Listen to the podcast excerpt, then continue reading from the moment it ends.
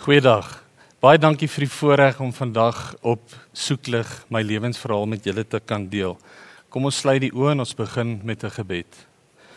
Liewe Heer, vreeslik dankie vir hierdie dag en datum wat ek die voorreg het om dit wat U in my lewe beteken het met die wêreld te kan deel. Ook die begin, liewe Heer, vir 'n beeld wat U vir my gegee het waar ek dit met die wêreld sal deel in die toekoms seën my en seën die luisteraars in hierdie uur waar ons die wonderlike dinge in my lewe en die tydlyn waarin dit gebeur het kan deel en laat dit ook vir elkeen kan vrug dra. Amen. In die soeklig reeks het ons wonderlike voorreg gehad om ons vrae te beantwoord oor die oor die Bybel en oor gebeurtenisse en ons het sommer net 'n klomp gekompliseerde goeters hanteer. My lewensverhaal is een van daai kompliseerde goeters waarvoor ek so dankbaar is. Ons het glad, ek het glad nie die kennis en die kundigheid wat ons ander sprekers gehad het oor die Bybel nie, maar ek het 'n stukkie genade in my lewe oor 'n periode van baie jare gehad wat soveel beginsels wat in die Bybel vir ons verduidelik word, duidelik maak op 'n praktiese manier. En vandag wil ek dit graag met julle deel. Ek's gebore op 8 Februarie 1982 in die Vrystaat in 'n dorpie van in Welkom waar ek in 'n Christenhuis groot geword het volgens die Bybelse beginsels.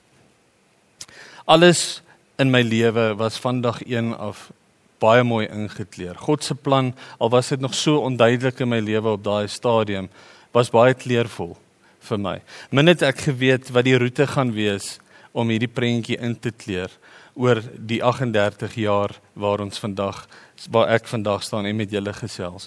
1982 tot 1998 was oorheers met sukses. Dit was oorheers met met goeie dinge. Dit was basies alles waaraan ek raak het in goud verander. Dit was 'n periode waar mense die beste uit my uitgekry het. Later in my lewe sou ek besef dat dit so goed is as mense die beste uit, uit jou uitkry, maar soms ook so gevaarlik kan wees as jy jou volle potensiaal weet en jy druk jouself elke keer terug na jou volle potensiaal af. Later in my lewe sou ek leer dat dit goed is om baie keer rustiger te raak. Dat dit goed is om baie keer tweede en derde beste te wees omdat dit nie van jou minder maak as wat die Here jou bedoel het nie. Sukses is 'n vreemde ding. Ehm um, en dit moet reg gemeet word. Vir baie jare in my lewe het ek sukses gemeet aan 'n maatstaf. 'n uiterlike, dit wat ek sien, dit wat ek voel, dit waar ek bereik.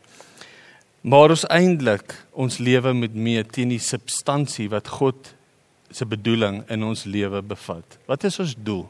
Hoe goed lewe ons ons lewe volgens die doel wat God vir ons het? Om by daai doel uit te kom, vat tyd. Om by daai doel uit te kom maak soms seer. Om by daai doel uit te kom toets jou geweldig baie keer. Solank ons net weet hierdie journey waarop ons is, sal ten goeie meewerk. Op 'n dag soos vandag in ons almal se lewens en dit kan elke dag van jou lewe wees en hopelik is dit op daai dag en moenie worry oor môre nie. Jou lewe vandag is die som totaal van goeie en slegte dinge wat oor jou lewe gebeur het. Dit gaan nie net goed gaan nie. Dit gaan nie net sleg gaan nie. Solank jy weet dat daar 'n plek en 'n doel vir elkeen elkeen van hierdie in jou lewe is. Ek gaan nie in baie detail ingaan oor 82 tot 1982 tot 1998 nie. Ek sal graag begin op 1998. Op hierdie dag het ek min geweet dat die Here 'n roete met my gaan begin wat vir my die waarde van 'n verhouding met hom kon leer. Ja, ek het groot geword volgens die Christen beginsels en in Christelike kerk. Maar op hierdie oomblik het ek nog nie besef hoe belangrik die verhouding is nie. Die Here het 'n baie interessante pad met my begin. Op die kruin van my rugbyloopbaan 1998 in die eerste rugbyspan van van ons skool. Ehm um, akademiese prestasies, atletiek, ehm um, rugby, cricket, net waaraan jy dink, kultuur selfs, het dit met my baie goed gegaan tot op 'n dag. Op 'n dag het my neus begin bloei.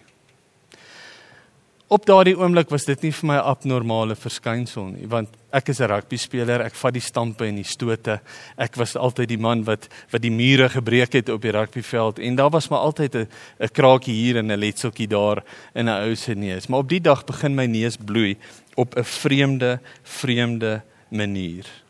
Op hierdie stadium het ek min geweet dat God vir my lewenspad 'n redelike harde, interessante, maar absolute waardevolle plan gehad het en dit het begin.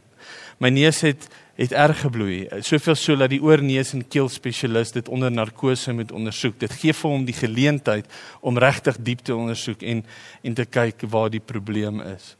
In die prosedure het hy 'n baie rare onskadelike gewas in my sinusholtes gevind.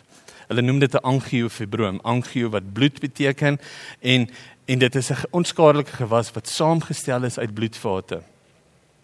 Dis 'n bloedvat gewas wat as hy begin bloei, dan gaan hy aanhou bloei. En dis elke keer 'n stukkie genade as hy wel ophou bloei. En dit was diep in my sinusholtes naby my brein. En die uitdaging hier was van die dokter was onkundig hierin. So het ons uitgevind dat Suid-Afrika se mediese veld onkundig is hierin. Ons het uitgevind dat ek maar die tweede geval op daai stadium was waarvan hulle geweet het wat hierdie spesifieke probleem gehad het. Dit maak dit moeilik om by die oplossing uit te kom. Op daai stadium het dokters gevoel ons moet gaan na die hoogs gekwalifiseerde persoon in die veld in die Vrystaat op daai stadium en ons was Bloemfontein toe waar ons met die professor van oor oorneus en keel ehm um, die mediese veld begin begin praat het. En die enigste manier om hierdie probleem op te los was met chirurgie. Ons het ooreengekom, ek is 16 jaar oud, my ouers daar, ons het ooreengekom met wat die prosedure is wat gevolg moet word. En die volgende paar hoofstukke in my lewe wat ek met julle wil deel, gaan ek so min so ongrafies as moontlik in julle probeer verduidelik, maar daar's tog geweldige impak daarin.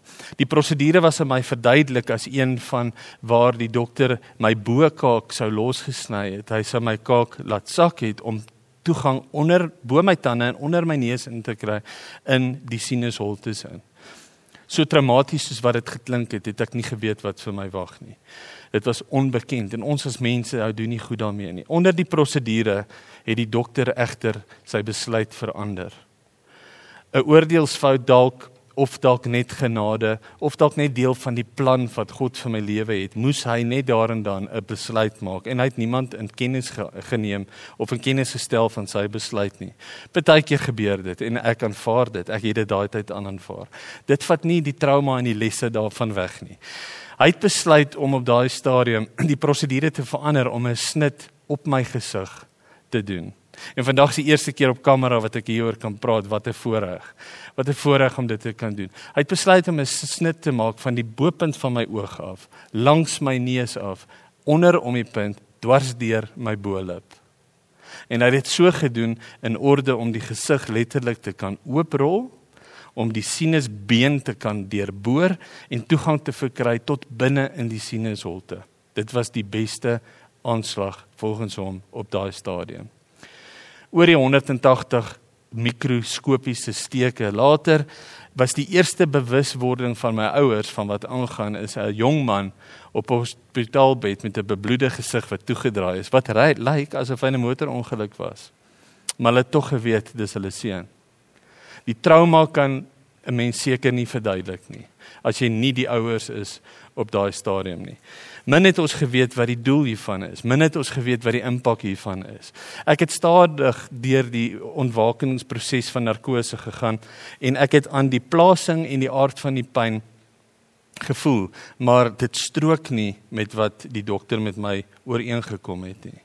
Soveel so dat ek op 'n stadium gevra het, my ouers het nie geweet om dit vir my te sê nie ehm um, het ek gevra vir 'n spieël. En en die skok van 'n 16-jarige man op die kruin van sy lewe om te sien wat met sy gesig gebeur het. Op daai stadium is moeilik om te beskryf. Dis 'n gevoel van van absolute angs, absolute vrees, absolute wat nou, 'n gevoel van kan ek net al hierdie toerusting van my afruk en uit hierdie hospitaal uithardloop, maar ek moes daar deurgaan. Ek moes daar deurgaan.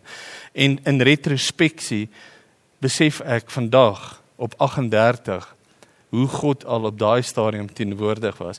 'n Ding wat belangrik is om vir mekaar te sê is dat God is in die detail van ons lewens.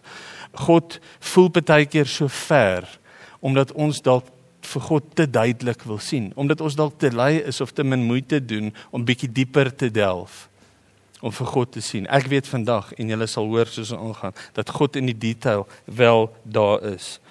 Soos wat ek maar op daai stadium in my lewe gedoen het en vroeër daarna verwys van elke keer die piek in jou lewe bereik, elke keer teruggaan na die na die toppunt, toe het ek dit hier ook gedoen. Ek het aanvaar wat my gebeur het. Ek het my potensiaal aanges, aangeskakel terug op die rugbyveld voluit gegaan. Ehm um, waar ek in twee, in die jaar 2000 sou hoofseun wees van my skool. Ek sou onderburgemeester gewees het van ons plaaslike stadsraad. Ek het dit nie geweet nie. Ek sou kaptein gewees het van die eerste rugby span. Ek sou gekies gewees het vir die onder 18 Springbok span as kaptein. Ek het dit nie geweet nie. Want daar was eers nog 'n hekkie in 1999 by by 'n familiebyeenkoms in Leidenburg het die onaandenkbare, onverwagste en ongewenste gebeur. Ja, my neus het weer begin bloei. Op hierdie oomblikke in jou lewe bereik jy 'n laagtepunt wat slegs kan gevorm word deur deur die onkunde wat jy het oor wat nou. Deur die vraag van van hoekom. Die angs word letterlik aangeblaas. Jy weet nie watter kant toe nie. Jy's moedeloos.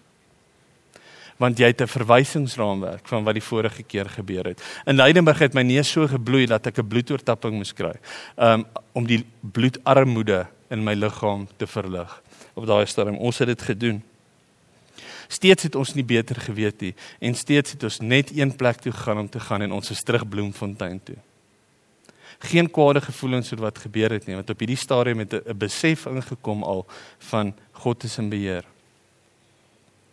Die tweede operasie moes dringend pla plaasvind. Die gewas was terug. Hy was kwaad.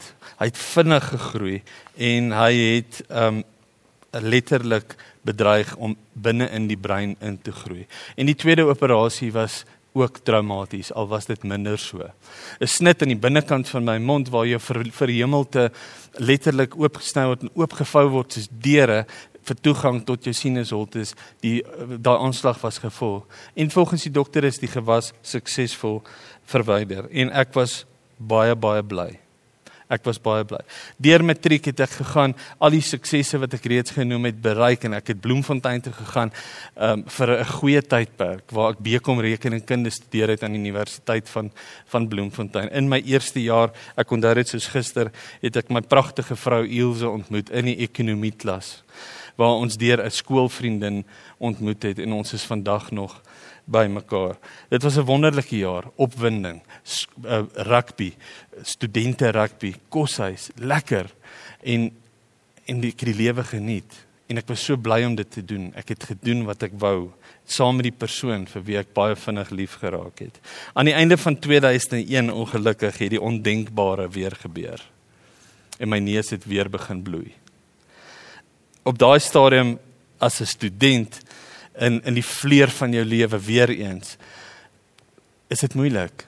Is dit moeilik. En en op daai stadium het 'n bewuswording al in plek gekom van 'n mens kan nie herhaaldelik dieselfde ding doen en 'n ander resultaat verwag nie dit is soos Albert Einstein sê the top end of foolishness Ons kan dit nie doen nie. So ek het gesoek na alternatiewe, maar waar? En ons het deur 'n familievriend het ons leiding gekry om na dokter Feigen toe te gaan in Kaapstad. Dokter Feigen het vir 15 jaar gespesialiseer in Amerika. En as gevolg van die populasiegrootte in Amerika was sy blootstelling aan hierdie probleem soveel groter. Hy het ondervinding gehad ons het afgegaan. En die aanslag was van die eerste oomblik af anders.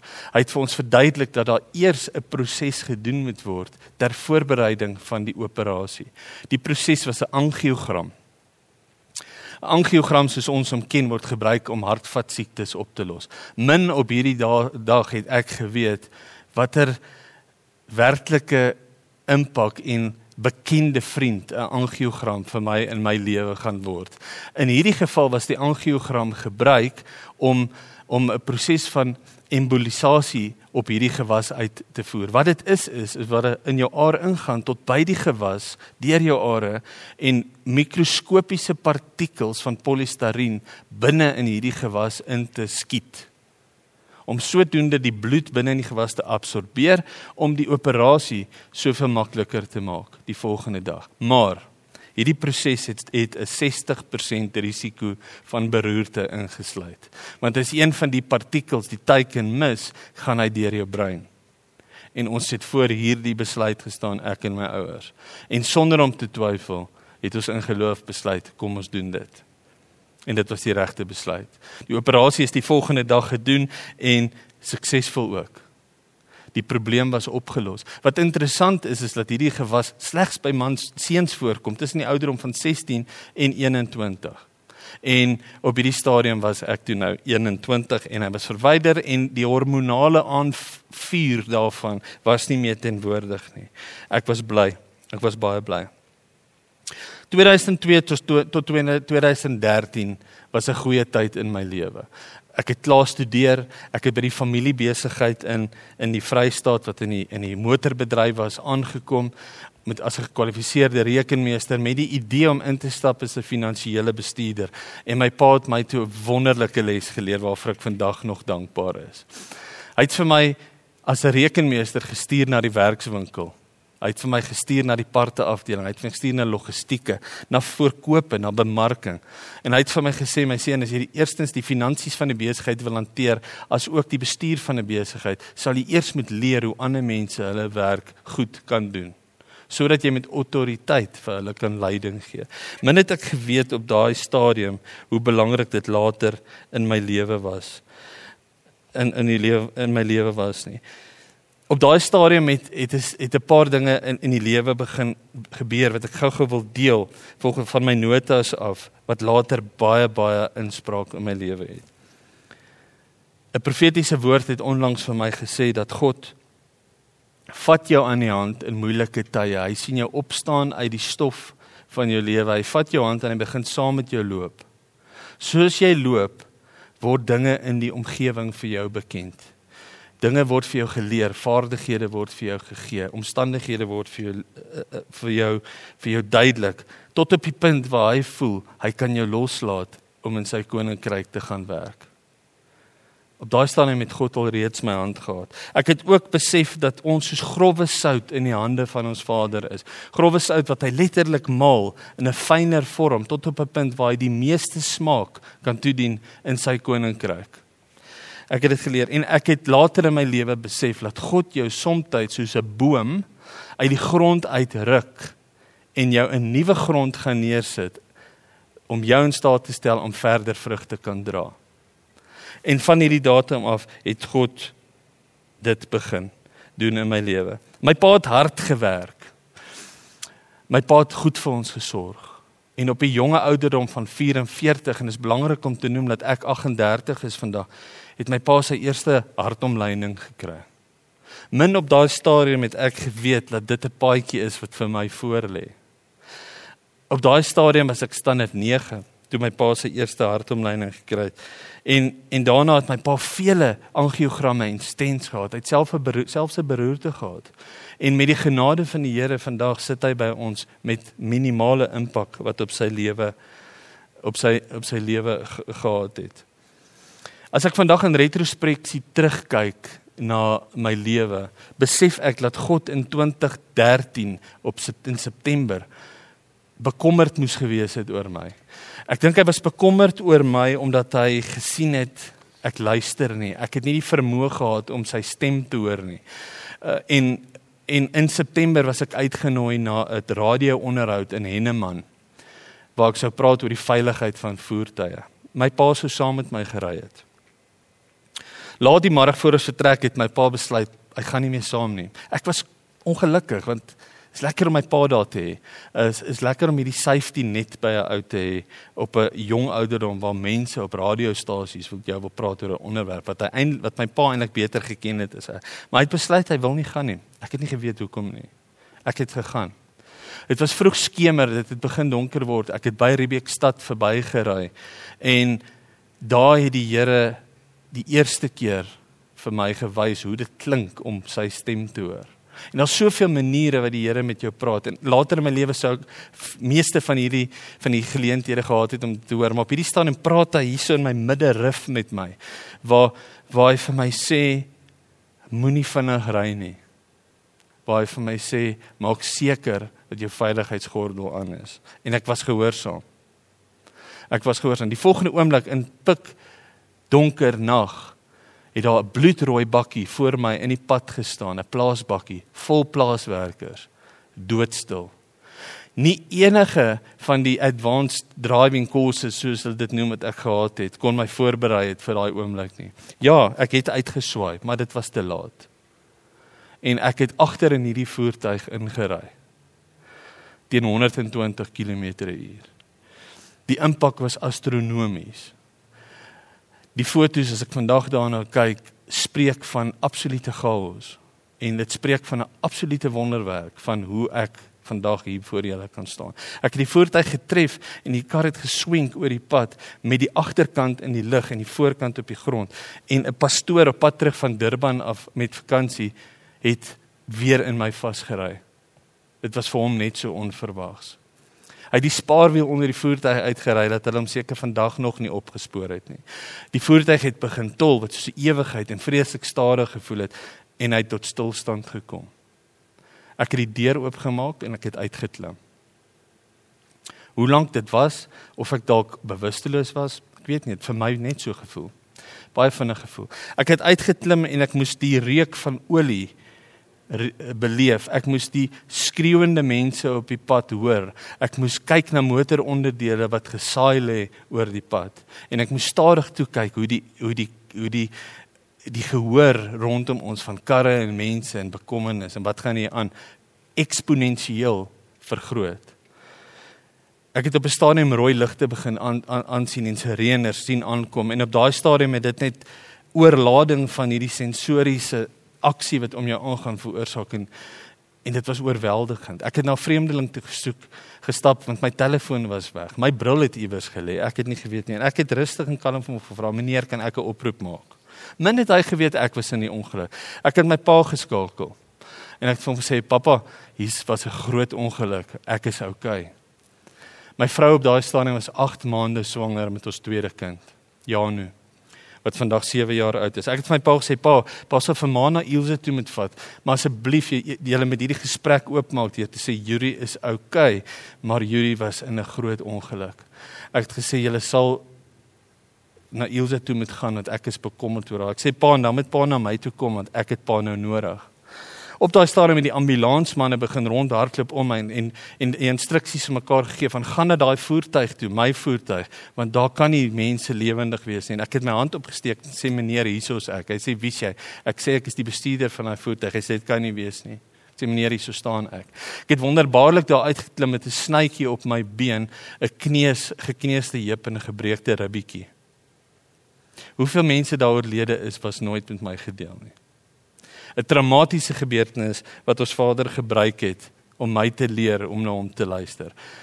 Op daai stadium het ek min geweet hoe waardevol dit in my lewe gaan wees. In die jaar 2015 het ek 'n tweede tak van ons besigheid oopgemaak en en op daai stadium het ons die besigheid suksesvol verkoop aan die einde van 2015. 'n Periode waarin daar ook soveel genade opgesluit is, waar die waar die hande van die Here vandag so duidelik is ehm um, dat dit die regte besluit was om ons besigheid te verkoop. Daarna het my pa gaan aftree en ek het Johannesburg toe gekom waar ek die korporatiewe leertjie baie vinnig geklim het. Binne 8 maande was ek in 'n operasionele bestuurspos van 'n maatskappy waarna ek na die hele Afrika gekyk het. Daar was geld, daar was geleenthede, daar was voordele, daar was geen lewenskwaliteit nie. Ek het ook in daardie tyd het ek in 2015 'n pyn in my bors gekry. Ek het ook 'n lam arm gekry. En ek was trots. En ek was hardkoppig en ek wou nie besef wat aangaan nie. Totdat die Here my lei na die kardioloog toe. Op hierdie stadium is daar 'n paar belangrike dinge wat ons net vir mekaar moet sê wat wat herhalend in die volgende 5 jaar tot en met 23 Junie 2020 sou plaasgevind het. God het my elke keer gelei na 'n kardioloog toe. Hy was sterker as my hardkoppigheid. Hy was sterker as my trots. Geen rustende of inspannings EKG het tot en met vandag toe tydens 'n ondersoek 'n afwyking in my hart gewys nie. Elke keer het God my gelei om die spesialis te vra om 'n angiogram te doen. Want 'n spesialis kyk na die resultate, die simptome, die toetse en hy maak 'n besluit. En volgens die kliniese toetse was daar niks fout nie. Elke keer het God my gelei om te sê, "Dokter, hier's fout, ons moet seker maak." En elke keer vir die 7 6 angiogramme wat ek tot en met vandag gehad het en die 7 stente wat ek tot en met vandag gehad het, was daar 'n fatale fout op daai oomblik. So het my roete begin met die pad waarop my pa was. Wat 'n mentor kon ek nie gehad het nie om my te help deur hierdie dinge. En en vandag staan ek hierso 6 angiogramme later, 7 stente en 'n ingrypende voorval waarop ons later sal inkom. Maar terug na die korporatiewe sukses wat my lewensvreugde gesteel het, wat my tyd met my vrou en my kinders gesteel het, tot op 'n dag waar God op 'n ander manier met my praat. Hy praat met my deur my geliefde vrou. En sy sê vir my, "Juri, jy moet bedank." Nou my vrou is 'n gekwalifiseerde ouditeur en ek het gewoond geraak as my vrou hierdie tipe van dinge doen, is plan B, C, D en E reeds in plek. Ek het vir gesê, "Goed, as ek nou bedank, wat dan?" En sy verbaas my met 'n antwoord waar sy sê, "Ek weet nie." Sy sê, "Maar God weet." Die Here het vir haar gesê, "Moenie bekommerd wees nie." En ek het geluister na my vrou. Ons as mans maak die kritiese fout so gereeld om nie vir ons vrouens te luister nie. En ek doen dit vandag nog. Maar ek het geleer hoe waardevol dit kan wees die maatskappy het na my toe gekom met nuwe aantreklike aanbiedinge finansiëel en um, om my te probeer hou en ek het gebly by hierdie besluit. Ek bedank. Min het ek geweet dat 2 maande daarna in Oktober 2019 sou ek weer in die teater gelê het. Op daai stadium vir my 5de angiogram en my 5de stent. Selfde scenario as wat voorheen genoem is. Ek het daardeur gegaan Ek het besluit om vir myself te werk en ek het my maatskappy begin wat die naam van my maatskappy is Trinity Professional Services en in die naam staan daar dat 'n maatskappy is gebaseer op die Vader, die Seun en die Heilige Gees, Bybelse beginsels. En my visie vir die maatskappy is in verskoonde Engels is to create a positive ripple effect in people's lives and ultimately businesses. Die probleem was die visie het my ingesluit. Die fokus wat op my was op my. Wat kan ek doen om hierdie ripple effek in mense se lewens te veroorsaak? En op daai stadium het ek het ek begin worstel hiermee en ek het in retrospeksie teruggekyk oor my lewe en dit kom by die titel van my storie uit, Rippels van Genade. En en ek het gesien hoe God in my lewe rippels veroorsaak het. En die les wat God vir my geleer het is veroorsaak rippels in die wêreld gebaseer op hom in plaas van my. Maar ek het dit nog nie besef nie. Ek het dit nog nie besef nie. Al het dit goed gegaan met my besigheid, al het ek my eerste anker kliënt vinnig gekry, al kon ek my mobiele koffie besigheid op vinnig op die been kry en Trinity Coffee Cafe stig en, en vandag bedien ons mense met koffie en en en met die woord. En min het ek geweet dat dat God nog meer van my wil hê. En op baie stadium as mens kyk na my storie, sal mens mekaar sê, maar hoeveel nog? Hoeveel nog? En op 23 Junie 2020 het daar vir my 'n keerpunt gewag, soos min mense kon indink.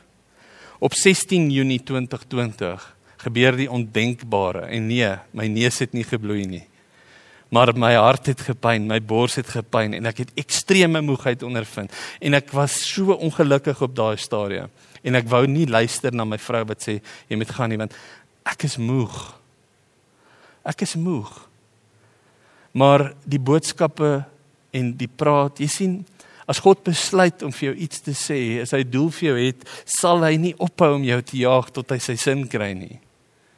Hy kom haal sy kinders en hy soek hulle almal veilig by hom. Ek het toe nou maar by die dokter uitgekom. En soos al die vorige kere was al die toetse skoon. En daar het niks meer keer nie. En ek het vir die dokter gesê dokter, hier's 'n fout. Ons moet 'n angiogram doen. En van hier af deel ek graag met julle die wonderlike hand van die Here in hierdie verhaal. Daarin dan het die dokter vir my gesê as jy voel ons moet 'n angiogram doen, dan doen ons dit. Nou het ons hierdie hekkie van COVID-19 wat ons moet oorspring en ek moes op 'n Saterdagoggend vir my toets gaan en en 48 uur daarna die uitslaag kry en ek daag op by die hospitaal en die uitslae is nie beskikbaar nie. Maandagooggend, die 21ste Junie. Uitslae is nie beskikbaar nie. Hulle het 'n backlog opgebou en dit is vertraag. En ek sit vir 6 ure by die hospitaal en hulle kan my nie laat ingaan nie. Soveel so dat ons mekaar ooreenkom dat ek net maar moet gaan. Ons sal herskeduleer. Ek was ongelukkig op daai stadium. Ek wil dit nou afhandel. Ek het die dokter se spreekkamer gebel en die teleurstellende nuus ontvang dat ons 21 dae sal moet wag en van die van die sekretaris en ek moes dit aanvaar. Ek het huis toe gery, maar op pad huis toe het die dokter my gebel. En die dokter het vir my gesê, "Yuri, weens jou geskiedenis gaan ek hierdie reël van 21 dae moet breek. Ek moet jou in die hospitaal kry. Ons moet kyk." Min het ek geweet dat dit die Here toe nou al was wat die dokter begin begelei het. Die volgende dag is ek terug hospitaal toe en hierdie keer het ek saam met my vrou gery. Ek het nie geweet hoekom nie. Die vorige dag het ek self gery. Want ek is al so gewoond aan hierdie prosedure dat dit ek klim in my kar en ek ry huis toe. Ons het ingery by die hospitaal se hek en ek het vir my vrou die volgende woorde gesê. Ek het vir sê my skat, ek voel so bly en rustig om hier te wees nie geweet hoekom nie. Maar net ek geweet dis die Here se manier om vir my te sê jy's nou op die regte plek. Hier's instrumente wat jou kan help. Ek het nie geweet wat wag nie. Ek het binne 5 minute deur al die prosesse gaan. Ek het in my hospitaalbed opgeëindig en al die toetse gedoen. Ek het my teaterpakkie aangetrek en ek het na die teater toe gegaan. In die wagkamer het daar 'n vrou oorkant my gelê wat later ook 'n belangrike rol in my verhaal sou speel. Die proses is jy word gestoot op jou hospitaalbed tot buite die teater en die dokter kom praat met jou en ons bespreek die prosedure. Die dokter kom toe na my toe en hy begin voel aan my pols. En uit ondervinding uit weet ek jy kan 'n angiogram deur die pols doen of jy kan hom deur jou lies doen en die dokter sê ek voel rustig vandag oor jou. Ek gaan dit sommer deur jou pols doen. En net daar gryp die Here in. Hy sê vir my moenie instem nie. Hy sê vir my hier's 'n groot probleem en die toegang deur jou pols gaan nie genoeg wees om hierdie situasie te hanteer nie. En ek dra dit oor aan die dokter. Ek sê dokter, ek stel voor ons doen dit deur my lies en dis 'n groot probleem. En die dokter stem in. Hy doen dit. Hy sê as jy so voel dan doen ons dit. Kom in die teater en narkotiseer vra vir my meneer, ehm um, kan ek vir jou iets gee om jou te kalmeer? Ek sê nee, ek is gewoond hieraan. Ek wil graag sien wat julle doen. Min het ek geweet hoe belangrik dit sou wees dat ek nie daai inspuiting gevra het nie. Die dokter het begin en hy het vir my gesê hy sien twee blokkades. Hy sien een op 'n moeilike plek en hy sien 'n groot blokkade in dieselfde aar wat 4 cm lank is. Nou in kardiologiese terme praat hulle in millimeters, nie sentimeters nie. Hy moes by die eerste blokkade verbykom om by die groot probleem uit te kom. Toe hy by die eerste blokkade kom, het ek die woorde gehoor, meneer Venterhoes. Uit my ondervinding uit het geweet as, as jy 'n hartaanval kry, help hoes om hartklop te stimuleer en ek het begin hoes. Wat gebeur het is die aar het in spasma ingegaan en hy totaal toegetrek en ek het 'n massiewe hartaanval gekry. Ek het in afibrillasie ingegaan wat beteken jou hart jou hartklop versnel eksponensieel en jou bloeddruk val drasties. En kort daarna het ek geflatline. Ek het gesterf 10 oor 3 die middag. En vir 10 minute sou ek dood wees. Die dokter het in in desperaatheid op my borskas gespring om, om kompressies toe te pas, maar hy was nie sterk genoeg nie. Die dokter was in my are besig met 'n met 'n proses waar hy hartklop en bloedvloei nodig het. Hy het op my borskas gespring, maar dit was hy was nie sterk genoeg nie. Hy sê toe vir hulle gaan roep vir Tenda. Die Bybelse betekenis van die naam Tenda is die wil van God. Tenda is 'n groot man soos ek, het in die teater ingestorm en later sê hy vir my vertel toe hy instorm het die Here vir hom gesê: Moenie ophou beklei vir hierdie man se lewe nie. En hy het op my borskas begin spring en hy het sy meesterlike borskompressies begin toepas. Sonder sukses. Die dokter het my die eerste keer geskok met elektrisiteit, ehm um, volgens die regulasies. Hy het my die tweede keer geskok met geen reaksie nie. En na, volgens terugvoer is dit daar waar 'n dokter moet besluit, verklaar ek die pasiënt dood of nie. In 'n gesprek met die dokter 2 maande later en en hierdie en en, en hierdie program wat ek vanaand met julle bespreek, sou vroeër opgeneem gewees het, maar ek het nog 'n stukkie inligting gekort. In 'n gesprek met die dokter 2 maande later het hy vir my gesê ek verstaan nie hoekom ek jou 6 keer geskok het nie. Want na 2 keer moes ek jou dood verklaar het. En die deure waarwyds my oopgemaak vir hom te vertel. Onthou jy die gesig van Tenda aan die ander kant van die tafel wat jou gemotiveer het? Hy sê ja. Ek sê dis 'n man met 'n boodskap van die Here wat vir jou gemotiveer het om nie te stop nie en jy het aangehou. Ek sê en jy het ook na die 6ste skok vir my adrenalien inspuiting in my aorta gegee en dit 'n hartklop gekry. Ek sê vir hom dankie dat jy geluister het dokter. My hart het begin klop en die dokter kon suksesvol sy sy prosedure klaarmaak. Ek moet vinnig praat oor die 10 minute wat ek dood was wat vir my soos ure gevoel het. Die getuienis daarin is absolute vrede. Mense vra vir my het jy buite liggaamse ondervinding gehad? Het jy daar gesien lê? Het jy vir God gesien? Het jy die poorte van die hemel gesien? En ek het nie. Maar ek het 'n rustigheid ondervind wat ek nie kan oorvertel nie. En die boodskap daarin is en ek wil vir elkeen van julle vandag sê, as jy nie 'n verhouding met die lewende Here het nie, as ek nie daai verhouding gehad het nie, kon daai 10 minute vir my soveel anders gewees het dit sou belaai gewees het met angs, met vrees, met beelde van van die hel en die verderf. En dit sou angstig gewees het en ek sou te laat gewees het om gered te ge kon geword het, maar dit was vrede. Dit was absolute vrede. Na die tyd het ek met Tenda gepraat, ek het met die hoofsuster gepraat en en dinge het gebeur in daai teater. Dinge het gebeur soos ek onthou ek het een keer gehoes. Nadat my hartklop verdwyn het, het ek aangehou hoes onverklaarbaar. Dis die Here wat gehelp het in hierdie proses. Die Here wat hierdie span van instrumente toegerus het om my te help. En vandag kan ek getuig daaroor. Wat belangrik is vir ons om mekaar te sê is ons lewe is soos druiwekorrels. 'n Druiwekorrel is in sy beste vorm as hy wyn is, maar hy moet eers gepers word en stikkend gedruk word om by wyn uit te kom. Toe God die nagmaal ingestel het, het hy vir die disippels wyn gegee. Hy het eintlik vir hulle 'n stukkie van homself in 'n glasie gegee, want hy was deur die persing van die lewe. Deur hy, hy sou daardeur gaan, hy sou 'n doringkroon gedra het, hy sou gesekel gewees het, hy sou aan 'n kruis gehang het om sy doel te bereik as wyn. En en die koninkryk van die Here te verkondig en op te vaar na sy Vader toe. Min het ek geweet tot op my lewe is ek deur hierdie proses om gepars te wees. Min het ek geweet dat God die snoeisker is wat staan tussen jou en meer vrug.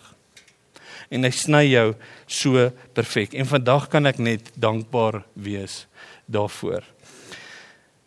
Weereens dankie dat julle geluister het hiervoor hierna en en die Here het my beeld in die hospitaal gegee waar ek en julle kan dalk nie sien wat sy broek het ek aan nie maar waar ek met 'n blou jean 'n swart hemp en 'n blou baadjie op 'n verhoog staan en my storie aan die wêreld vertel. En vandag is die eerste keer wat ek dit doen.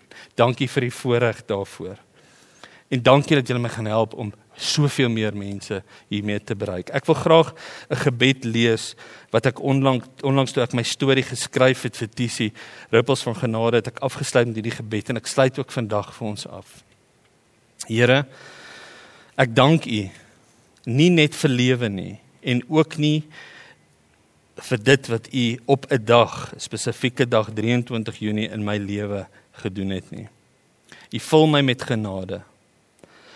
U het my deur 'n tydperk gevat waar u letterlik my hand gevat het en met my geloop het en my geleer het. En U het my 22 jaar lank gevorm om my nou los te laat in U koninkryk. Here, ek vat die verantwoordelikheid met vreesloosheid, dankbaarheid en gereedheid. Ek het dit want ek weet u het nou nie net een hand nie, maar u het nou albei my hande.